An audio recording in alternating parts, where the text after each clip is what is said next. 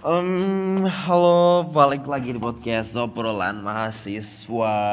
Yuk, ah, ini baru pagi-pagi saya udah rekaman kawan-kawan ya. Baru pagi-pagi, ya jam 7 kawan-kawan. Saya belum sarapan, saya baru belum sarapan. Tapi entah, saya kok kepengen rekaman podcast gitu. Saya gatel pengen rekaman. Ya akhirnya ambillah ya langsung rekaman di sini aja lah. Cepet gitu kan. Yuk. Uh, di Jumat ini ini tanggal 2 Juli 2021 ya mulai besok. Mulai besok tanggal 3 Juli. Pemerintah memperlakukan PPKM mikro darurat. Ya. Baru lagi kawan-kawan setelah dulu tuh ada PSBB terus PSBB transisi ada juga PPKM mikro. Sekarang PPKM mikro darurat. Macem-macem kawan-kawan. Bukan tapi pernah nggak kepikiran gini kawan-kawan? E, kenapa Indonesia tuh nggak sekalian aja? Itu langsung berlakukan lockdown gitu. Kenapa harus basa-basi pakai PPSBB PPKM ditambah darurat itu kan ya kenapa nggak sekalian lockdown gitu aja? Apakah istilah lockdown itu nanti imbasnya sangat besar terhadap perekonomian Indonesia? Atau memang Indonesia punya cara sendiri atau punya istilah sendiri yang di situ lebih pas gitu? Itulah entah pemerintah entah pemerintah itu pertimbangannya apa. Terus juga untuk um, perbedaan kalau saya sebagai masyarakat biasa, saya biasa berkel biasa apa? Biasa hidup di desa, kadang juga di daerah perkotaan. Sepertinya nggak ada perbedaan antara PSBB, PPKM, PPKM mikro dan yang saya khawatirkan adalah juga ada perbedaan dengan apa PPKM mikro darurat gitu. Gak ada perbedaan. Sebenarnya itu cuma nama-nama nama yang selalu diganti tapi dalam implementasinya di lapangan juga tidak ada perbedaan. Itu yang saya alami seperti itu. Mungkin kawan-kawan juga mengalami itu bahwa PPKM ini juga itu-itu aja gitu kan. Juga kita nggak ada nggak ada apa nggak ada perbedaan yang benar-benar signifikan antara ini PPKM ini bukan itu nggak ada um, saya jadi teringat begini. Kalau di lockdown apa juga seperti ini ya jangan-jangan ya. Mall-mall tetap rame terus juga pusat perbelanjaan terus warung-warung um, juga ada yang makan di tempat kemudian juga apa um, kerumunan masih banyak terjadi banyak antrian di mana-mana itu kan juga menandakan masih adanya apa ya Bentar. ya gimana ya? Sebagai masyarakat di bawah itu kan yang ditahu hanya soal penting pakai masker jaga jarak cuci tangan itu kan. Sedangkan perlakuan perlakuan yang lain itu kan nggak tahu. Seperti agenda mungkin hajatan atau terus juga larangan makan di warung di makan larangan makan di warung harus di take away. Itu jarang yang tahu. Dan juga ketika sosialisasi itu hanya sebatas di media sosial ya kan? Ini menjadi kendala yang sangat besar. Banyak sekali ibu-ibu di desa ibu-ibu bahkan yang ada di perkotaan itu sebenarnya juga tidak mengetahui bahwa perlakuan PPKM mikro itu lebih lebih detail bukan hanya soal 3M bukan hanya soal 3M nah inilah sebenarnya yang harus dilaksanakan. Saya yakin ketika nggak ada sosialisasi ya sosialisasi hanya surat edaran terus juga masyarakat tidak ada yang memberitahu pasti nggak ada perbedaan ya tetap PPKM mikro, PPKM mikro darurat, PSBB itu hanya sebatas istilah, sedangkan ejawantah yang ada di lapangan itu hanya saya memakai masker, saya mencuci tangan, saya menjaga jarak, oke, okay, aman. Hanya sebatas seperti itu. Sedangkan hal-hal yang lebih konkret sesuai dengan surat edaran yang diturunkan itu hanya sebatas tulisan, tidak aja, tidak ada perlakuan yang nyata benar-benar dilaksanakan nggak ada. Terus kemudian menginjak ke bangku pendidikan kawan-kawan yang menjadi tempat uh, pendidik perguruan tinggi terutama perguruan tinggi. Setelah kemarin sudah ada peraturan bahwa pelaksanaan kegiatan mengajar bisa dilaksanakan secara daring dan luring ini dalam artian secara hybrid ya karena adanya PPKM mikro mahasiswa dan para siswa harus kembali ke rumah untuk melaksanakan kegiatan belajar mengajar secara online. Ini juga dikarenakan dampak dari peraturan PPKM mikro darurat ini. Ya memang ya semuanya, ini tidak semua daerah ya, tidak semua daerah di Jawa dan Bali yang menerapkan PPKM mikro darurat tetapi ya ini imbasnya sangat besar.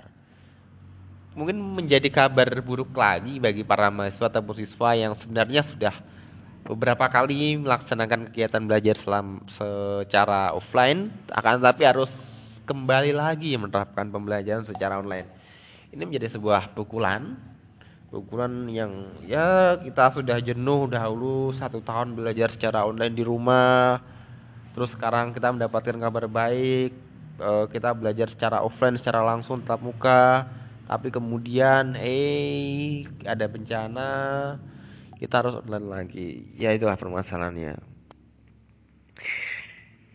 Um, kawan-kawan semuanya untuk apa ya um, um, um, saya mau bilang apa tadi?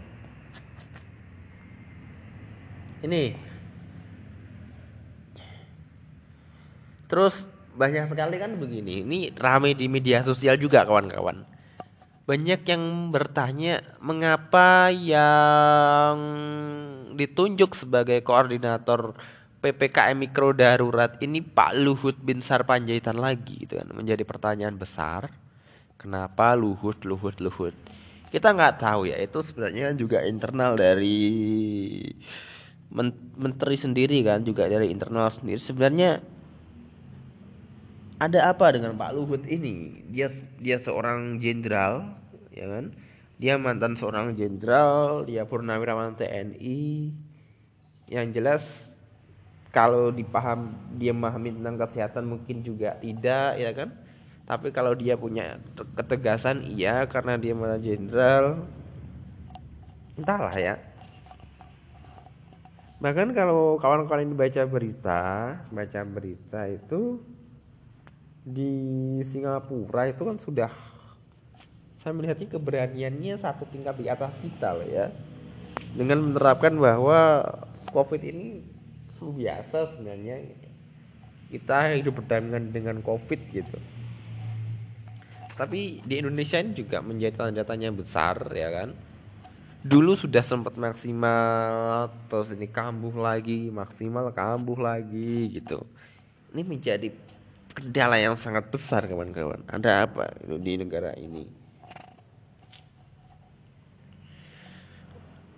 Jelas eh, PPKM mikro darurat ini akan dilaksanakan esok hari kawan-kawan bakal diterapkan pada tanggal 3 Juli 2021 sampai tanggal 20 Juli. Ini kalau tidak ada evaluasi, tidak ada sosialisasi, berkaca pada pengalaman sebelumnya, ya ini hanya akan menjadi hal yang sia-sia, buang-buang anggaran, buang-buang tenaga, buang-buang energi, buang-buang waktu. Kepala daerah Pimpinan pemerintahan sibuk melakukan rapat koordinasi, melakukan rapat evaluasi, tetapi yang ada di bawah tetap sama-sama saja, tidak ada perubahan. Yang ditahu ya hanya mencuci tangan. Saya penting mencuci tangan pada ingin saat masuk ruangan. Saya memakai masker dan saya yang penting jaga jarak satu meter gitu kan. Yang ditahu hanya itu kawan-kawan. Bahkan ada anjuran memakai masker double pun masyarakat juga banyak yang tidak tahu bahwa masker masker medis biasa harus didobel dengan masker kain itu masyarakat mungkin juga banyak yang nggak tahu. Adanya varian delta yang datang dari India ini menyebabkan kasus di Indonesia ini kembali membludak. Setelah mengala, sempat mengalami grafik penurunan kasus COVID-19 di Indonesia ini kembali meningkat kembali meningkat ini menjadi pukulan telak bagi siapa saja ya. Beginilah keadaan kita saat ini ya kan.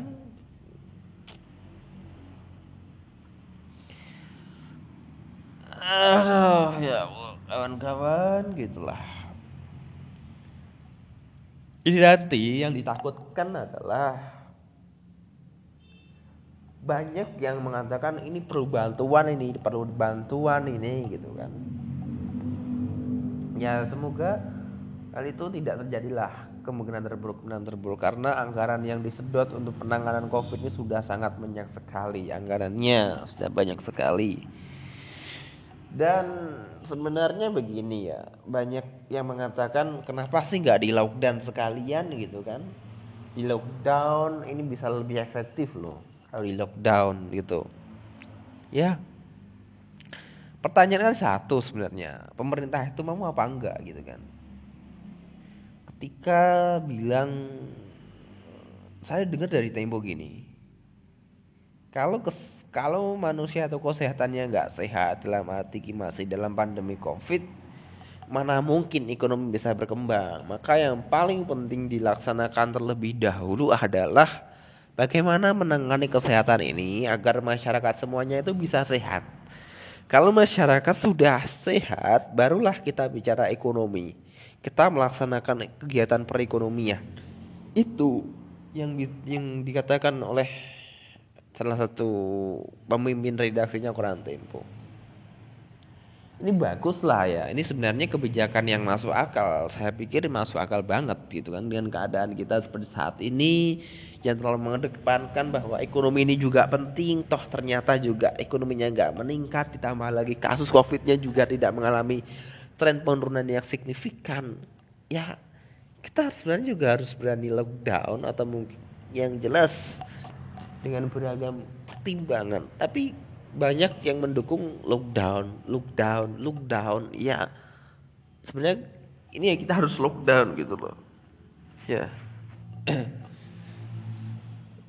Um, mungkin seperti itu kawan-kawan ya di episode ini terkait dengan bahasan PPKM mikro darurat yang imbasnya juga sangat besar tapi entah ketahuan masyarakat seberapa besar saya juga nggak tahu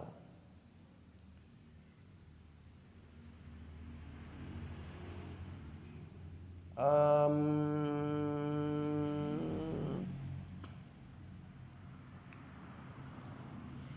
gitu Sampai jumpa di episode berikutnya and see ya.